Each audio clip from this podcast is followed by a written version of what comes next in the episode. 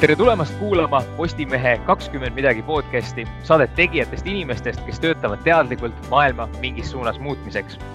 kõigile teile kallitele kuulajatele ütlen, kes juba on oma kõrvaga ära tabanud, et kvaliteet on täna pisut teine, nimelt eriolukorras on siis erilised saated, salvestame distantsilt. loodan, et saame sellega ilusti hakkama ja, ja teeme ühe mõnusa saate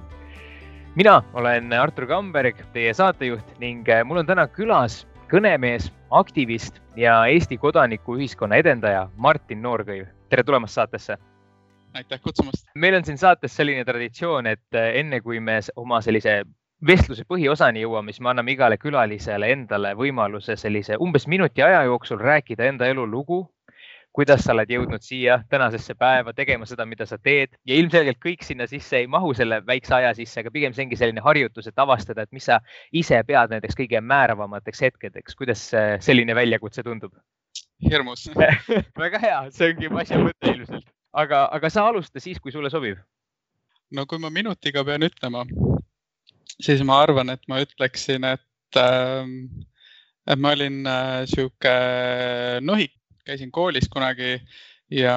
ei õppinud hästi ega ei olnud sõpru ka. Ehm, ja pigem arvasin endast ja elust üsna halvasti. Ja mul vedas, kuna ma sattusin ühel hetkel ehm, kokku noorteorganisatsioonidega ehm, ja, ja tudengiorganisatsioonidega ühel hetkel. Ja, ja samm-sammult hakkasin nägema, et võib-olla esiteks elu ei ole nii halb ja teiseks võib-olla ma ise ka ei ole nii halb ja et ma saan mingeid asju teha. Ja ja tudengiorganisatsioonid eriti, ma arvan, oli see, mis minu elus on mänginud sellist rolli, mis, äh, mis on muutnud seda, mida ma olen mõelnud, et ma võiksin teha ja, ja mida ma olen saanud teha. viimased kümme aastat olengi olnud siis kodanikuaktivist, äh, juhtinud, käivitanud igasuguseid projekte, juhtinud erinevaid organisatsioone ja, ja, ja, ja samm-sammult saanud paremini aru sellest, kuidas maailm töötab ja kuidas äh, seda muuta äh, erinevatel viisidel.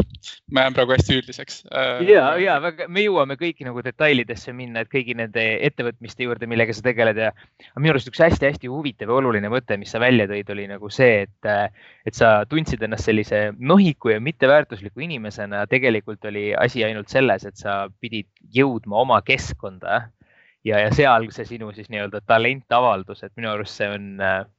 see on hea mõte, mida endale kõrva taha panna, et kui keegi ka kuulajatest tunneb, et, äh, et, et nagu, et, et äh, pagan, ma ei tea, mis ma siin elus teen ja miks, mis oskused mul üldse on, et siis vahest on, tasub lihtsalt oma nii-öelda keskkondi vahetada, et see sinu näide on minu arust suurepärane. Ja ei, ma olen ka käinud koolides rääkimas mõnikord ja, ja noh, ütleme ma olen seal seda oma lugu natukene rääkinud ja, ja see on ka kõnetanud äh, selliseid äh, lapsi ja noori, keda ka näiteks koolis kiusatakse. et mind ennast ka kiusati koolis ja kombinatsioonis sellega, et ega, et ka õppeedukus ei olnud eriti hea, siis see enesehinnang oli üsna madal ja, ja, ja, ja ka näiteks koolis esinemas käies ma olen just seda rõhutanud, et see koolielu on väga mitte päris elu mm -hmm. ja, ja, ja et see, mis pärast tuleb, mis pärast tulla võib, et, et nad ei suuda ette kujutada, mis see võib olla ja see võib olla väga positiivne ka. Äh, ja et, et kool ei, ei, ei määra seda, mis just tulevikus saab, vähemalt Ko mitte kõigis aspektides ja kohe kindlasti. siin äh, intervjuu alguses äh, või õigemini tegelikult iga intervjuu alguses ma alustan sellise lausega, et, et meil on külas taaskord inimene, kes töötab teadlikult maailma mingis suunas muutmiseks. mis sa, Martin, ütleks, et kui sina hommikuti üles tõused, et mis, mis suunas sina hakkad oma tegevusega maailma muutma? kui ma hommikul üles tõusen, siis kõigepealt ma muudan maailma nii, et ma teen kohvi, et üles ärgata. aga sellega ma muudan maailma tõenäoliselt halvemaks äh, teatud aspektides aga pärast seda, kui ma kohvi ära olen teinud, siis minu eesmärk on olnud äh, viimased, ma arvan, et enam-vähem kümme aastat võibki öelda, on pidevalt otsida seda kohta, kust ma saan, ähm, noh, kõlab nii igavalt, kui nii öelda, aga et, et kus ma saaksin saavutada maksimaalset äh, mõju. Ja, ja seda maksimaalset mõju, positiivset mõju loodetavasti ühiskonnale äh, ma otsin läbi selliste süsteemsete tegevuste, et, et ma tegelen küll ka indiviididega otse, koolitame noori otse ja, ja, ja, ja teeme programme ja kõike muud. aga, aga see loogika alati seal taustal on see, et, et kus on see süsteemi muutmise koht, kus me saaksime kõige suuremat mõju omada ja, ja, ja, ja ma otsin seda ja, ja kui ma leian seda, siis ma üritan sinna luua midagi, mis suudab jätkusuutlikult seda kohta järjest parandada mm. -hmm üks selline, sa kindlasti paranda mind, kui ma eksin, aga, aga et, et see, kõik need tegevused, millega sa, mille, mille kaudu sa seda süsteemi üritad muuta, et nende selline ühine nimetaja ongi nagu see, et nad on nad on siis kodanikuühiskonna elemendid ja, ja ma kujutan ette, et see on ka teema, millest või sõna, mida me hakkame täna hästi palju kasutama, aga lihtsalt selleks, et me kõik saaks nii-öelda ühise lehe peale järgnevaks vestluseks, siis, siis kas sa seletaks selliste hästi lihtsate sõnadega, et mis on sinu jaoks kodanikuühiskond, mida see tähendab? Huh,. see on üks neist teemadest, millest võiks jah rääkida hästi pikalt. et kui hästi lühidalt üritada, siis ähm, ma ise mõtlen sellest niimoodi, et Ähm, et ühiskonnas on need asjad, äh, mida teeb riik ja siis on need asjad, mida teevad inimesed ise. ja osad neist asjadest, mida inimesed teevad ise, on selle jaoks, et teenida raha. ja siis on teised, mis ei ole selle jaoks. kõik need asjad, mis ei ole raha teenimise jaoks, on kodanikuühiskond, mida inimesed teevad ise, mida ei tee riik aga ometi ma saan aru, et, et kodanikuühiskonna liikmed ikkagi peavad eh, nii-öelda ära elama, et seal on selline, seal on selles mõttes selline palgaelement on ikkagi olemas. ja muidugi, et see, et see eesmärk ei ole raha mm, -hmm. see ei mhm. tähenda, et selle tegemiseks ei ole vaja raha, et enamus kodanikuühiskonnast maksab ka palka. lihtsalt eesmärk ei ole see palga maksmine, eesmärk ei ole kasum eesmärk on mingisugust probleemi lahendada või mingit, mitte ainult probleemi lahendada, vaid ka äh, hoida mingit osa ühiskonnast toimimas, ma ei tea, rahvakultuuri näiteks. et see ei ole probleem, mida rahvakultuur lahendab, aga, aga, aga me tahame, et meil oleks kultuur, et see on väärtus iseenesest, et see on eesmärk number üks. see ei tähenda, et rahvakultuuri tegevuses palku ei oleks, palgad on ka mm. -hmm aga ma saan, ma saangi aru, et selle toimiva kodanikuühiskonna eesmärk ongi siis täita ära need augud, et äh, et eh, noh, meil on, meil on väga palju probleeme, mille me lahendame ära, sellepärast et selle käigus on võimalik teenida raha, selle asja nimi on ettevõtlus, aga et on tihtipeale nii-öelda sektorid või, või valdkonnad, mis jäävad tähelepanuta, sellepärast et seal ei ole seda raha nii palju. ma saan aru, et see ongi siis see koht, kus kodanikuühiskond saab anda oma panuse, on nii? Jah, laias plaanis võib, võib niimoodi öelda küll. ja noh, et ütleme, et, et, et lihtne on kodanikuühiskonna juures vaadata just seda nii-öelda seda teravikku, seda, neid organisatsioone, kes tegelevad probleemidega nagu Toidupank või, või äh, kes tegelevad kiusamise ja kiusamisvaba kool või, või niimoodi edasi. aga noh, tegelikult kodanikuühiskonna nagu suurem selline jäämäe nagu nähtamatum osa on, on kõik need organisatsioonid ja tegevused, mis on siuksed noh, tavalised nagu laulukoorid äh,, nagu korteriühistud äh, nagu igasugused kogukondlikud tegevused, mis toimuvad. et noh, et, et enamus kodanikuühiskond on selles mõttes äh, parema sõna puudumisel niisugune igav asi, mis lihtsalt toimub taustal, mis on lihtsalt elu meie ümber. ja kui mm. seda ei ole, siis me märkame, et see on puudu. üks asi, mis minul oli, mis mul endal oli väga hea meel nii-öelda õppida või teada saada, et alati, kui ma nagu valmistun seda intervjuuks, siis ma vaatan külalise erinevaid kirjatöid ja loen neid läbi ja ma sain tunnistan ise ka väga palju teada. Ja, ja üks selline kui ma nii-öelda rääkisin inimestele, et mul tuleb selline teema siia saatesse ja hakkame rääkima, siis ma sain teada, et või õigemini ma olen ka seda varem täheldanud, et inimestel on tihtipeale, kui rääkida nagu kodanikuaktiivsusest näiteks, siis see esimene vaimupilt on, on sellisest eh, piketile minevast äh, inimesest plakatiga, kes, kes midagi muud peale selle ei tee, et on Toompea ees ja kritiseerib ja karjub ja,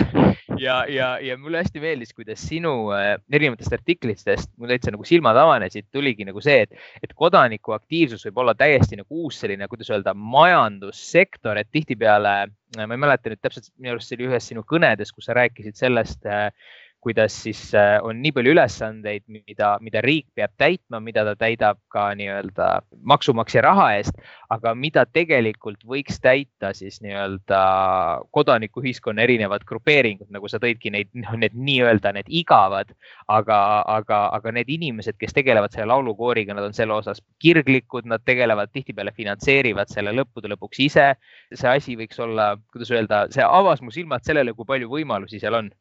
jah, ja mitte ainult võimalusi, vaid ka noh, kui palju reaalselt eh, toimub igapäevaselt äh,, mida me selles mõttes ei, ei, ei, ei pruugi nagu märgata või, või selle peale mõelda eraldi, kui selle peale, sellele mitte tähelepanu juhtida. et noh, et tegelikult ühiskond on täis asju, mida inimesed teevad täiesti vabatahtlikult mm -hmm. ja, ja, ja ilma milleta elu on väga igav ja, ja, ja kurb ja, ja üksildane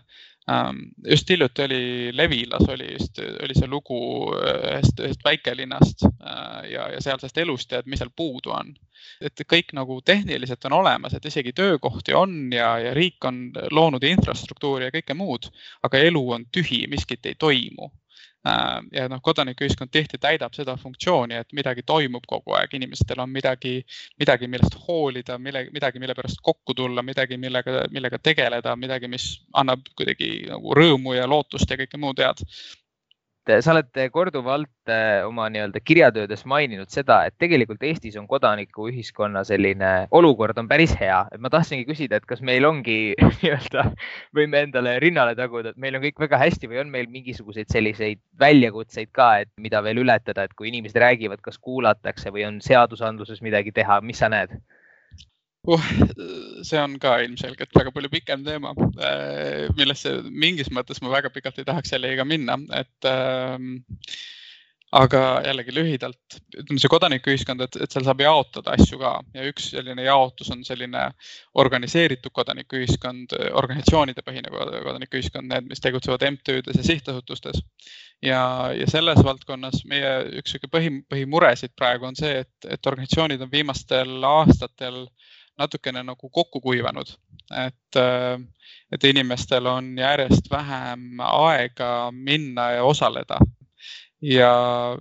ütleme, et muu elu on läinud väga palju kiiremaks järjest. ja, ja need MTÜ-d äh, järjest vähem suudavad inimesi kaasa haarata ja just nagu sellistesse mitteägedatesse tegevustesse, et noh, et protestile suudetakse inimesi saada,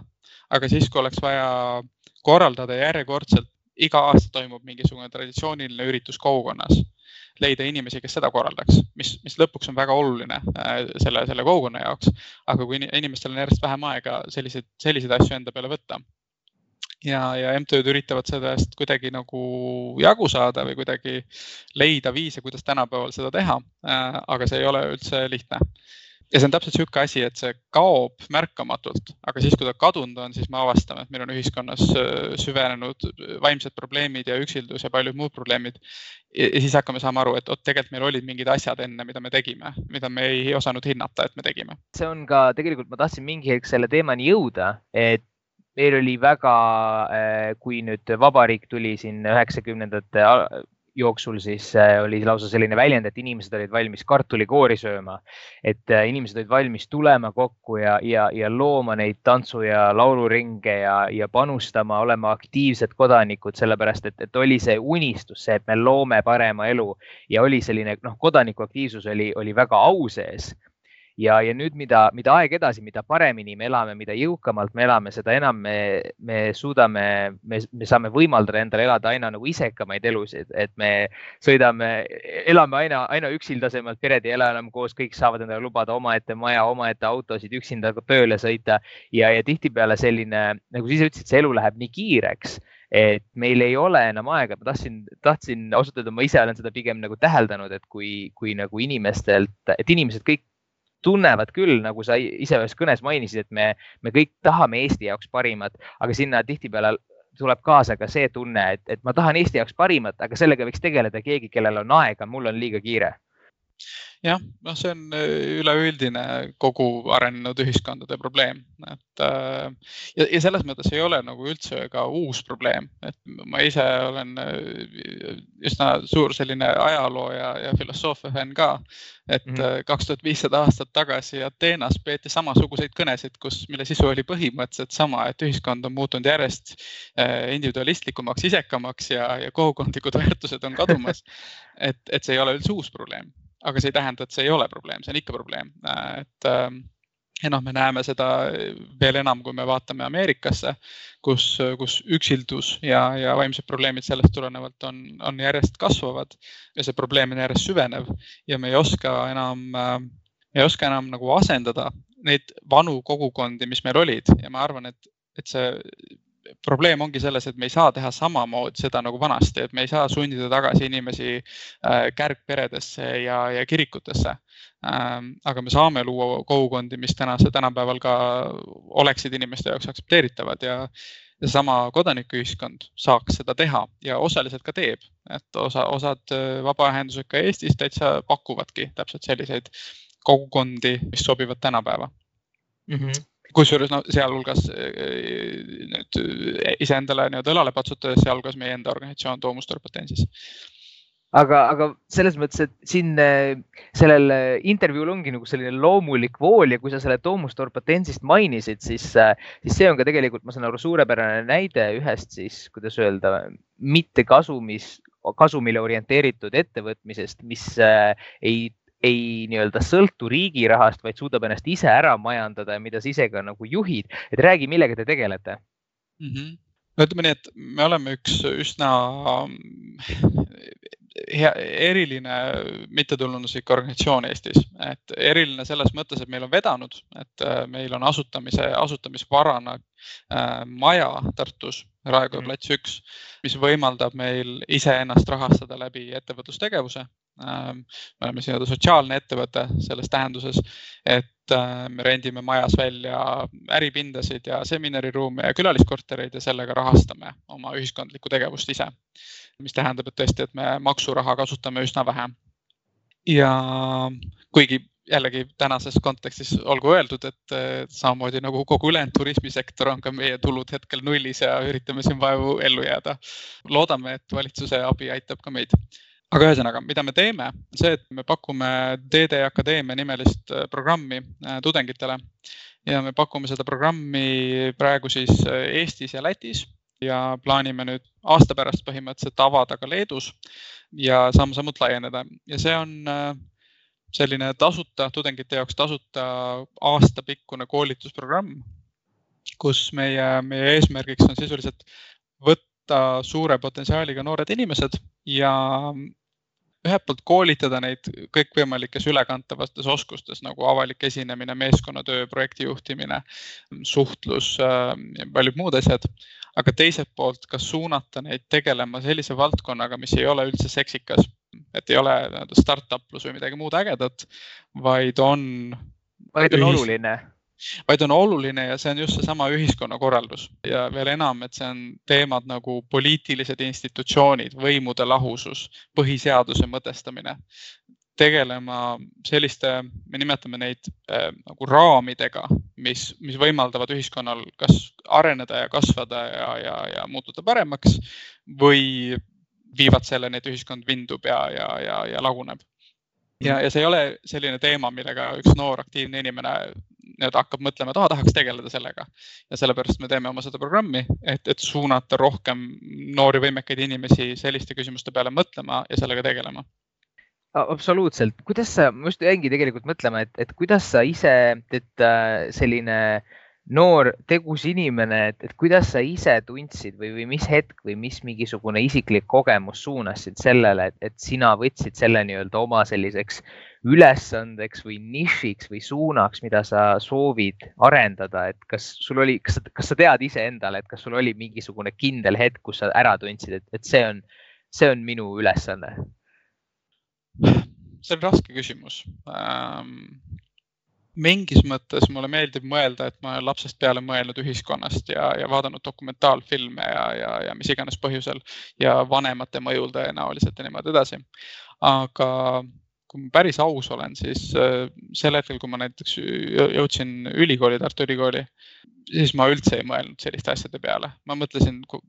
väga aus olla, ma mõtlesin selle peale, kuidas saada rikkaks ja, ja kuidas teha oma ettevõtet ja startup'i ja, ja investeerida aktsiatesse ja niimoodi edasi ja, ja see muutus toimus minus äh, samm-sammult siis, kui ma hakkasin äh,, kui täiesti kuidagi pooljuhuslikult sattusin tudengiorganisatsioonide juurde ja hakkasin seal tegema projekte ja tegevusi, mis viisid meid kokku rohkem probleemidega ühiskonnas. ma hakkasin nagu märkama, et asjad ei, tegelikult on asjad nagu halvasti osaliselt ja et, et tegelikult on palju olulisemaid asju kui, kui minu individuaalne rikkus ja heaolu ma just tahtsin öelda, et mõned inimesed mõtlevad, et aa, et okei okay,, et see on, küll on see ikka eneseohverduslik ja et, et sa oma sellised ambitsioonid jätsid, aga ma just tahan öelda, et või õigemini tahan sult pigem küsida, et, et ma olen üpris kindel, et sa ei, et sina tegelikult ei tunne nii, et ikkagi nagu see, see, et sa reaalselt tead, et sinu tegevusest sõltub, muutub midagi olulist. et see on, ma kujutan ette, väga selline äh,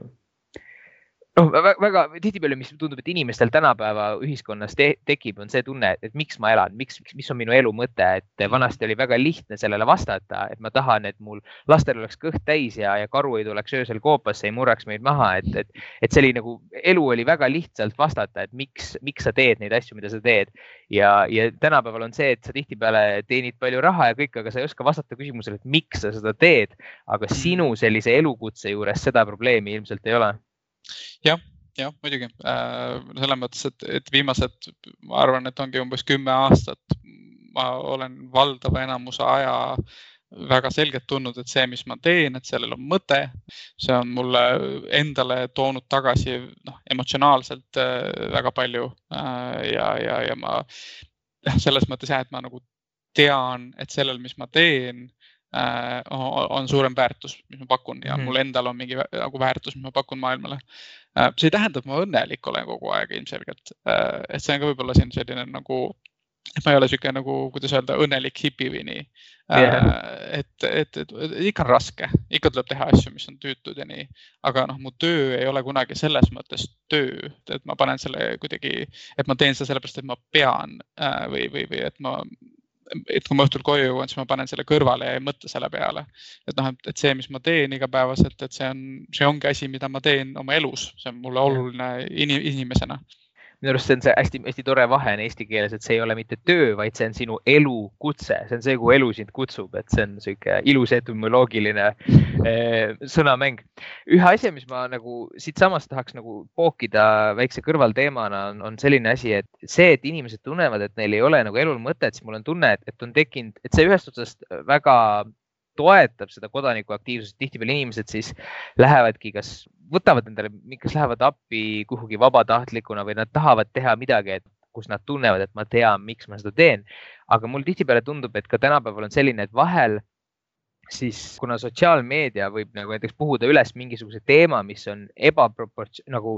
pro, kui proportsioonidesse panna, siis on palju olulisemaid teemasid, millega tegeleda ja siis äh,, ja siis tekibki igasugu kõigi õiguste eest võitlejaid, et ma ei kujuta ette nagu äh,, ma, ma ei räägi siin, et, et mingisugustest äh, sellistest küsimustest nagu mingid inimõigused, aga, aga, aga ma, ma kujutan ette, et noh, noh näiteks keskkonnakaitse on äärmiselt oluline, aga siis tekib mingisugune selline seltskond, kes näiteks hakkab võitlema nagu ise istuvad keset nagu äh, prügist seda saart seal, kus Haabersti ringi tehti, ring, ringteeus ja seal olid tee ääred olid prügised ja inimesed istusid laagris ja kaitsesid seda ühte emapuud, et seda maha ei võetaks. ja selle asemel, et, et kui te seal jube laagris istute, võtke need kilekotid ja koristage need tee ääred ka ära, kui te reaalselt tahate midagi teha ja siis see panigi mind nagu mõtlema, et meil on tekkinud selline fenomen pisut ühiskonnas, et et selline üleliigne aktiivsus hakkab nagu halvama meie otsuste tegijaid, meie poliitikuid, kuna ei ole võimalik teha nagu ühtegi otsust, mida keegi ei kaitseks või mis kedagi ei pahandaks ja, ja noh, selles mõttes, kui see ka kedagi natukenegi pahandab, siis, siis meedial on ju muidugi vaja millestki kirjutada ja nad kohe kirjutavad sellest ja see puhub selle veel suuremaks. et ma ei tea, kas see on päris nüüd selle ühiskonna aktiivsuse asi või see on hoopis teine, aga ma tundsin, et ma tahtsin seda sinuga arutada, sinu arvamust küsida. et, et ma olen nagu ise lihtsalt täheldanud seda, et meil on tekkinud poliitikas selline, et on hakatud tegema hästi selliseid otsuseid, millest ei sõltu tegelikult mitte midagi, sellepärast et mitte pahandada kedagi kes, kes mingisuguse asja eest parasjagu võitleb või seisab, sellepärast et, et iga otsus, mis on oluline, tihtipeale on nagu lühikeses plaanis kellelegi ebameeldiv. et kas sa oled midagi sellist täheldanud? see on äh, nagu paljud teemad, pikk ja keeruline teema kindlasti äh,. ma ise lisaks oma sellele tööle Toomuster Patensises ma ka olen ülikoolis doktorant ja, ja, ja teen ka õppetööd seal ja õpetan ühiskonnateooriaid ja, ja see on noh, põhimõtteliselt aine, üks aine, kus me õpet-, mõtleme sellest, kuidas mõelda ühiskonnast. ja, ja ma arvan, et see probleem saab, seda saab üsna lihtsasti kokku võtta sellega, et ühiskond on muutunud väga keeruliseks. Ja ta on muutunud nii keeruliseks, et, et lihtsad lahendused ei toimi enam. ükskõik, mida sa üritad lahendada, nii see probleemikaaristus on väga keeruline kui ka see lahendus on väga keeruline ja seda on väga raske seletada ja selle tulemusena poliitikud ei saa väga hästi seletada tegelikult seda, millega nad tegelevad, vaid nad peavad lihtsustama viisil, mis on noh, labane ja vale, kui sa nüüd objektiivselt peale vaatad sellele, mis mhm, tegelikult mhm, toimub. Mhm. ja sama häda on ka kodanikuaktiivsusega et äh, kodanikuakti, ütleme, et vabaühendused, organisatsioonid, kus kodanikuaktivistid töötavad äh, akti, igapäevases mõttes, et nemad tajuvad ka seda komplekssust ja teavad, et lahendused on komplekssed, aga samal ajal nad tajuvad täpselt samamoodi nagu poliitikud, et see ei kõneta kedagi ja see ei kõneta ka, ka meediat, on ju, et, et kui sul on Eestimaa Looduse Fond, kes teeb väga professionaalset, äh, väga läbimõeldud, ettevalmistatud poliitika äh, kujundamist, äh, teeb koostööd erakondade, ministeeriumitega, mõtleb väga läbi kõik, mis teeb ja teeb seda, ma ei tea, kakskümmend viis aastat või kaua nad tegutsenud on. Kedagi ei huvita, siis ühe korra mõned aktivistid lähevad kusagile puu alla ja nüüd see on see, mida tähendab keskkonnaaktivism. ja, ja et, äh, et sul on tuhanded inimesed üle Eesti töötamas igapäevaselt tegemas väga läbimõeldud keskkonnaaktivismi, mis on väga kasulik ja väga, väga, väga positiivne ja töötab kompleksselt, aga kommunikatsiooni mõttes on väga raske sellest aru saada, väga raske seda seletada. ja, ja see on üks nagu probleem, aga, aga täpselt sama probleem on poliitikas, et kodanikuühiskonna probleemid selles mõttes on väikesed võrreldes poliitikaga. Et, et need samad asjad on, on palju hullemini äh, igas muus mõttes äh,, demokraatia mõttes kohe kindlasti, see on, kui ma ei eksi, siis sa ise kirjutasid ka sellise artikli teemal, et, et internet ei unusta, aga, aga meie peaksime õppima andestama, et see on,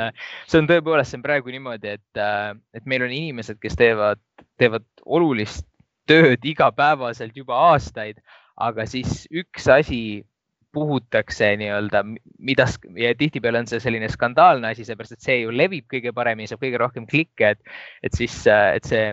mainekujundust sa võid kümme aastat ehitada ja siis keegi teeb, äh, paneb, kutsub ennast sama nimega, mida, millega sina ennast kutsud ja teeb midagi rumalat ja, ja see ongi see, kuidas maailm sind äh, tundma saab jah, kahjuks küll jah, et selles mõttes noh, muidugi jällegi, kui sa oled, kui sa oled mingis organisatsioonis, et siis sa saad selle organisatsiooniga valmistada ette oma kommunikatsiooniplaani ja kriisistsenaariumid ja kõike muud ja üritada vältida siukseid asju, aga, aga noh, tänapäeva maailmas on järjest raskem kontrollida seda narratiivi, mis sinu kohta räägitakse ja, ja, ja suure tõenäosusega seda, see narratiiv koosneb peaasjalikult suurtest kriisidest ja skandaalidest. aga kuidas äh see on jällegi taaskord, ma olen täitsa kindel, et see on selline, see teema, millest võiks täiesti omaette podcast'i teha ja see on pikk ja lai ja, ja keeruline aga et kuidas sa näed, et kuhu, kuhu suunas see selline demokraatia lõpuks jõuab, et meil ongi praegu selline olukord, et, et, et noh, populism, eriti tänu internetile, on väga nagu in ja väga ebaproportsionaalselt kasulik ja efektiivne. ja, ja kõik need otsused, mis meile on pikas plaanis olulised, tihtipeale on rasked antud hetkel, et, et noh, ma ei tea, tore oleks süüa iga päev viis sünnipäevatorti, aga aga kui me tahame nii-öelda homme, ülehomme ja, ja ka viie aasta pärast ennast hästi tunda, siis selline, selline, kuidas öelda, elu, elukorraldus ei ole, ei ole väga pädev, et kuidas sa näed, et, et sellise inimesena, kes, kes nagu sa ütlesid, huvitub ajaloost, võib-olla sul on ajaloost mingi õppetund tuua ja poliitikast, et, et kuidas see ühiskond hakkab nagu muutuma? Selles mõttes, et paratamatult sellise valusate, aga oluliste küsimuste ja otsuste edasilükkamine tekitab täpselt nii nagu, nagu, nagu ka inimese puhul, et kui sa lükkad edasi spordi tegemise, tervislikku toitumist, siis ühel hetkel on väga suur jama. et, et kas see muutus enne ei toimugi, kui läheb väga suureks jamaks ja, ja kui ta toimub, et mis siis, mis sa näed, mis võiks see nii-öelda areng olla? see tõesti on väga suur teema, ma olen selle teemal esinenud ja kirjutanud ja kõike muud, ma üritan hästi lühidalt ikkagi, et ma arvan, et see olukord tegelikult on, äh, ma arvan, et inimesed saavad sellest olukorrast valesti aru. et see olukord ei ole selline, et meil vanasti oli selline demokraatia ja riigivalitsemine, kus äh, arutelu oli sisukas ja mittepopulistlik ja nüüd see muutus on see, et arutelu on muutunud populistlikuks. et see mulle tundub, on selline nagu vale perspektiiv sellele. see mm -hmm. nagu aus otsa vaatamine minevikule on see, et vanasti demokraatia ja riik töötas nii, et kedagi ei huvitanud. Keegi ei olnud kaasas sellega ainult väike, väike vähemus inimesi üldse mõtles kaasa poliitika asjades. mis me nüüd näeme, on see, et sotsiaalmeedia ja interneti tulekuga on demokraatiasse arutama tulnud rohkem inimesi. ja mis me näeme, on see, et see varasem olukord oli teesklus. me lihtsalt ei kaasanud suurt osa ühiskonnast meie aruteludesse ja otsustesse ja nüüd me avastame, et suur osa ühiskonnast ei ole üldse samal arutelu tasemel kui need inimesed, need vähesed inimesed, kes enne osalesid. see on hästi suur lihtsustus ja üldistus muidugi, mis ma teen siin. aga mis ma arvan, et kõige selle tulemusena juhtub, on see, et pikas perspektiivis kõik see, mis täna toimub, see õpetab meil päriselt demokraatlikult ühiskonnana toimima, päriselt inimestega arutama poliitikat. aga lühikeses perspektiivis tõenäoliselt see hävitab kõik meie riigid ja kukutab kokku tsivilisatsiooni. et ähm,. ühesõnaga, et kumb, kumb juhtub, ütleme, et küsimus oli see, et kas see lühiajaline kokkukukkumine, kas see välistab selle pikaajalise demokraatia või mitte? et, et selline, ütleme siis niimoodi, et tegelikult pikas plaanis on arengud ääretult positiivsed. sellepärast, et see on nii-öelda see läbi, läbipõdemise faas ja peale seda on organism tugevam ja, ja mis ei tapa, teeb tugevamaks. et küsimus ongi selles, kas tapab või ei tapa. just, et ma toon ajaloolise paralleeli, et mm -hmm. meie ettekujutus sellest, kuidas demokraatia peaks toimima, et meil on äh, avalik arutelu ajakirjanduse vahendusel, äh, mis arutab sellele, mis on mõistlik poliitika ja siis äh, poliitikud kuulavad seda, võtavad arvesse ja selle, sellest lähtuvalt kujundavad poliitikat et see tuleb ajastust, kus väike, väike väga,, väga-väga-väga väike ühiskonna osa hakkas käima äh, siis Inglismaal ja Prantsusmaal äh, salongides koos arutamas asju äh,. selgelt eliit, aristokraatia ja siis oma salongi arutelud nad panid kirja ja need, need on, need on need asjad, mida me tänapäeval nimetame ajakirjanduseks. ja siis see väga väike vähemus mõtles kaasa ja see oli suur revolutsioon, et see väike vähemus mõtles kaasa kuningaga ja hakkas kuidagi nagu konkureerivat arvamust äh, ja ütleme, sihukest avalikku arutelu tegema. ja seda peeti tollal äh, täielikuks äh, noh, hävinguks ja revolutsiooniks, et mis mõttes nüüd ühis-, inimesed niimoodi räägivad kaasa. et, et meil toimub sama asi praegu, et lihtsalt mingi hulk inimesi kogunevad nüüd salongidesse ja hakkavad arutama. ja, ja valitsev olukord vaatab seda ja, ja on hirmul, et kuidas niimoodi saab, samamoodi nagu kuningad olid hirmul tol ajal nojah, et, et see on, kui, kui, kuidas öelda, et kui äh,, ma ei tea, kuidas see täpselt see ütlus on, aga et kui supi keedab äh, mitu kokka, et siis sellest äh,, siis on väga keeruline koordineerida ja tihtipeale ei, ei, ei tule midagi välja. aga samas alternatiiv on see, et meil on, meil on üks diktaatorkokk ja mitte mingisugust nii-öelda arengut või meeskonnatööst tulenevat kasutegurit seal ka ei ole, et ma saan aru elu ongi selline, et, et ei ole, ei ole üheseid õigeid ja valesid vastuseid, vaid on selline pidev püüd areneda ja pareneda. ja no mina isegi ütleksin nii, et, et ma arvan, et see on üsna üheselt positiivne, et, et uued inimesed nüüd kogunevad meie uut sorti salongidesse, need salongid asuvad nüüd sotsiaalmeedias küll. see on üheselt positiivne demokraatia arengu mõttes, et uued inimesed Äh,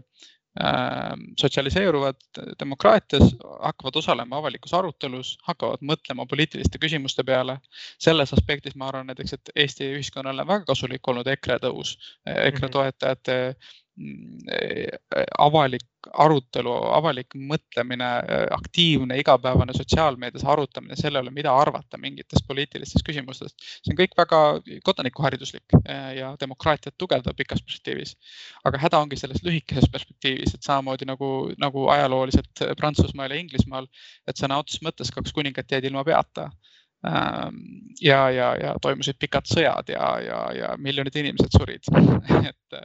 ja see oli ainult siis, kui väga väike osa ühiskonnast hakkas arutama. nüüd, kui me näeme, et kogu ühiskond hakkab arutama või noh, ütleme mitte kogu ühiskond, aga, aga väga suur, väga palju suurem osa ühiskonnast arutab kaasa, siis need tagajärjed võivad olla selle võrra veel dramaatilisemad eks, eks muutused ei ole, ei ole kunagi kerged. üks, üks teema, võib-olla ma siis toon jälle kuidagi sellist tema pisut, pisut nagu äh, värsket verd või värsket teemat siia sisse, et, et üks mõte, mis ma veel sinu tekstidest välja püüdsin, mis oli minu jaoks väga, väga huvitav, äärmiselt lihtne mõte, aga tihtipeale need lihtsad mõtted ongi need, mida on kõige raskem märgata. nimelt äh,, mida, mida ma ka ennem tegelikult vist korra mainisin, on see, et, et, et me kõik tahame tegelikult lõppkokkuvõttes head on need inimesed, kes hääletavad EKRE poolt, inimesed, kes hääletavad EKRE vastu. Eh, kõigil on oma visioon tegelikult eh, peas ja nemad teevad oma arust seda, mis on, mis on pikas plaanis kõige parem, et ma mäletan, sa tõid eh, oma selles artiklis või oli see kõne, tõid sa just näite näiteks pagulaste teemal, mis oli siis tollal kaks tuhat seitseteist oli hästi aktuaalne, et, et inimesed, kes, kes on nende vastu, tahavad kaitsta seda meie eesti keelt, kultuuri. inimesed, kes on nende poolt, tahavad olla, hoolitseda siis inimeste eest, kellel on, kellel on raske, kes on sõjapõgenikud. ja ma hakkasin mõtlema, et, et vau, et tõepoolest, et ei ole ei ole olemas sellist asja nagu head ja pahad ja, ja mustad ja valged ja, ja see on, see on nii lihtne mõte, aga ometi me elame sellises maailmas, kus, kus nagu Hollywoodi filmis on alati head ja pahad ja lapsed jooksevad õues ringi, nad mängivad pätte ja politseinikke, mitte, mitte inimesi, kes on sattunud kuidagi ühiskonna ja majanduse hammasrataste vahele, üritavad meeleheitlikult ellu jääda ja teisi inimesi, kes teevad endast parima, et, et kaitsta oma kaaskodanike vara ja turvalisust. et äh, meie maailm inimestena on selline hästi binaarne või, või, või kuidas öelda, mustvalge. et kas sa, kui oma, kui sa tegid selle kõne ja tegid selle üleskutse, et me, me arutaks rohkem ja mõistaks ja kuulaks ja püüaks selle teise poole loogikat näha, et, et kas sa sa oled ennast mitmel korral mitmes artiklis kutsunud selliseks positiivseks inimeseks, kes usub inimeste võimesse maailma paremaks muuta, et, et kas sa näed, et oma, oma sellises optimismis, et selline muutus võiks olla kunagi võimalik või, või, või kuidas sa tunned, on see selline tuulikutega võitlemine? ma usun, et, et inimloomus ei muutu ajas eriti palju, vähemalt mitte et selles mõttes ma arvan, et, et inimesed suudavad, et, et, et kõigepealt enamus inimesi arvavad, et see, mis nad teevad, on hea. enamus inimesed oma peas on, on, on positiivsed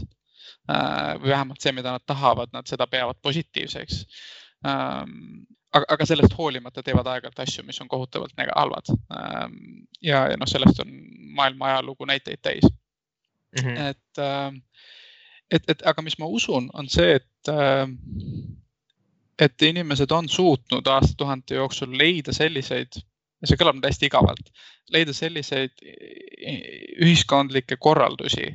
mis suurendavad igapäevaselt tõenäosust, et see, mida inimesed teevad, on positiivne. ja siis me oleme leidnud selliseid ühiskonnakorraldusi, mis, mis vähendavad seda tõenäosust, mis suurendavad tõenäosust, et inimesed käituvad jõhkralt ja ebainimlikult ja niimoodi edasi. et ma usun, seda, seda, seda esimest versiooni asjast, seda nimetatakse tsivilisatsiooniks üldiselt. et ma usun, et tsivilisatsiooni kaudu on võimalik teha nii, et rohkemad inimesed oma, oma,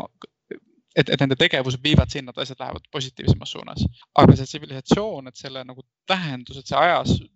peab paratamatult muutuma, kui areneb tehnoloogia ja, ja muutub maailm ja tulevad uued viirused ja, ja kliimamuutused. et siis me peame seda tsivilisatsiooni ka edasi mõtestama, et milline ta on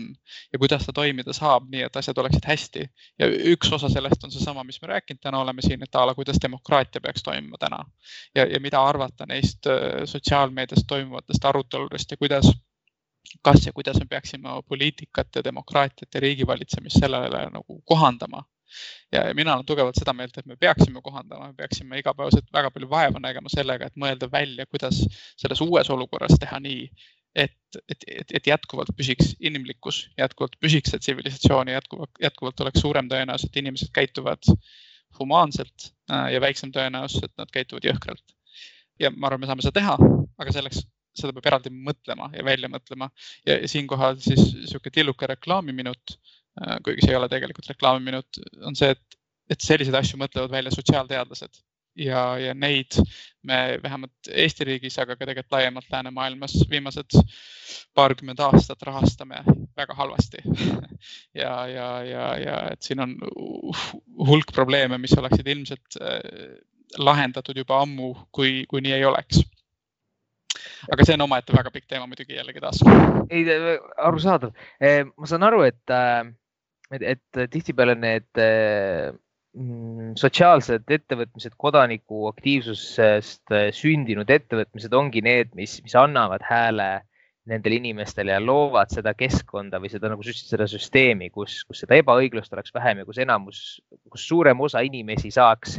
enda, enda nii-öelda probleemidest rääkida ja need saaksid adresseeritud. ja, ja, ja, ja selleks, et et, et neile anda see võimalus ja kõlapind ja, ja kandepind teha oma seda olulist tööd, siis äh, ma tookski tegelikult vestluse sinu ühe teise ettevõtmise juurde, et, et sa mainisid Toomus Torpatensist, aga teil on sealjuures ka Toomus, Toomus Torpatensi Stratlab ehk siis äh,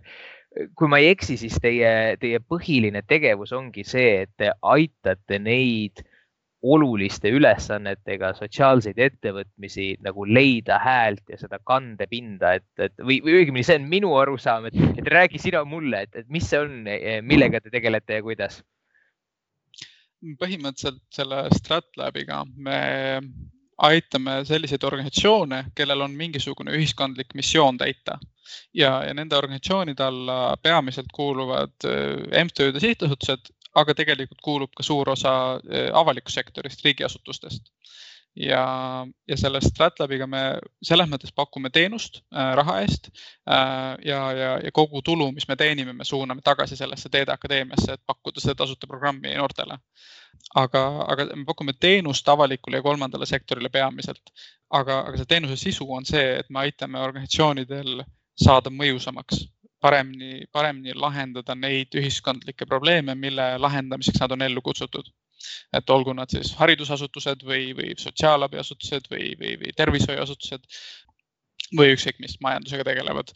et meie roll äh, on see, et me aitame neid organisatsiooni, organisatsioon, organisatsioonidel omaenda strateegiat läbi mõtestada, juhtimist, organisatsiooni korraldust ähm,, mõju saavutamise protsesse ähm, läbi mõelda ja, ja, ja, ja paremaks teha kui nüüd mm -hmm. hästi lühidalt öelda. selle jaoks me pakume hulka erinevaid teenuseid, koolitust, nõustamist, töötube ja kõike muud. aga selle mõte on see. arusaadav, arusaadav. kui see nii-öelda teema tuua võib-olla nagu sellise,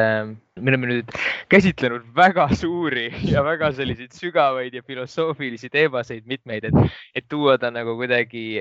lihtsamale sellisele indiviidi tasandile, siis äh, seal Eh, oma kodulehel juba sellest eh, Stratlabist rääkides sa kirjutad, et, et ja mida sa tegelikult, ma korjasin ka ennem üles, et sa muu jutu sees mainisid, et sa usud, et suurim mõju on hästi juhitud ja süsteemsel tegevusel, nagu sa ise ütlesid, et sa üritad leida seda kohta, kus on see suurim mõju. ja, ja ma usun, et, et see oli, ma ei tea, kuidagi kõnetas mind ja, ja ma usun, et see nõuanne ei kehti mitte vaid selliste organisatsioonide puhul keda siis Stratlab aitab, vaid, äh, vaid lausa igas eluvaldkonnas ja, ja ka, ka sellisel puht individuaalsel tasandil meie teod, meil kõigil on omad eesmärgid ja, ja, ja nii-öelda asjad, mida me soovime saavutada ja meie, meie teod viivad meid sellele enim lähemale siis, kui need on hästi juhitud ja, ja süsteemsed. et ma tahtsin just küsida, et sina, kes sa tegeled nii paljude erinevate asjadega, et kuidas sa ise nii-öelda indiviidina oma tegevusi juhid, et kas sa paned selline, pisut on see küsimus sellise suunaga, et, et võib-olla võtta siit kaasa nii ise kui kuulajad mingisuguseid nii-öelda selliseid elukorra, elukorralduslikke või strateegilisi nõuandeid, et, et kuidas sina oma tegevusi juhid, kas sa paned kirja mingid eesmärgid, on sul ajakava, to-do list või millist nõu sa annaks, kui sooviks neid samu väärtusi siis isikliku edu vankri ette rakendada? No ütleme nii, et kõik need asjad, mis sa nimetasid, neid ma kasutan kasutan, kasutan kalendrit, to-do list'e, eesmärke, kõike muud. Ähm, sellest hoolimata on ka minul igapäevaselt tunne, et ma olen lappes et mm, -hmm. et asju on liiga palju, tegevusi on liiga palju. Ähm, ja, ja, ja samal ajal kõigest sellest eelnevast hoolimata mu üldine tunnetus on see, et, et lõpuks on kõige olulisem ikkagi see, et tajuda ära, mis on päriselt kõige olulisemad asjad, mida teha. see ei ole eriti nagu sihuke ajajuhtimislik tööriist, vaid sihuke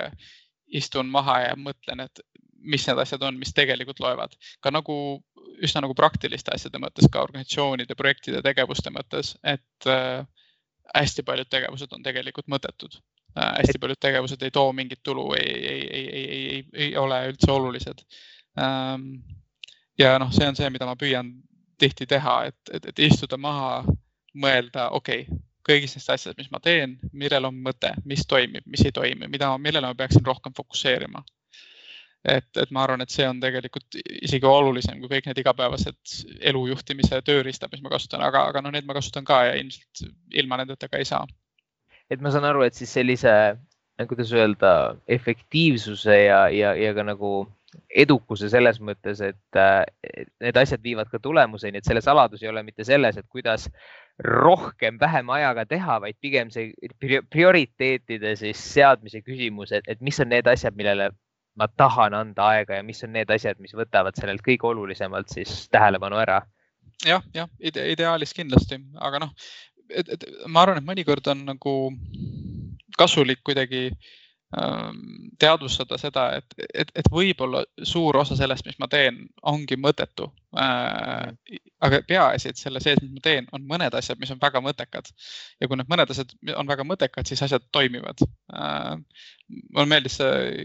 kusagil oli vist intervjuu Bill Gatesi ja Warren Buffettiga ja siis Bill Gates esimest korda nägi Warren Buffetti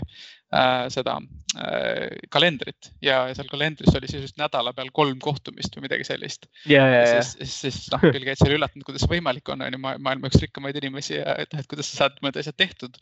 Ja noh, tema vastus oli just seesama, on ju, et noh, enamused ongi mõttetud, et siis ma lihtsalt teen neid hästi olulisi asju.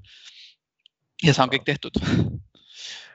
vot see on, vot see, vot see on alles selline, kuidas öelda, väljakutse, et inimene peab õppima endale selliste ei-de ütlemist või et, et tahaks ju kõigele jah öelda, et, et see ei ole,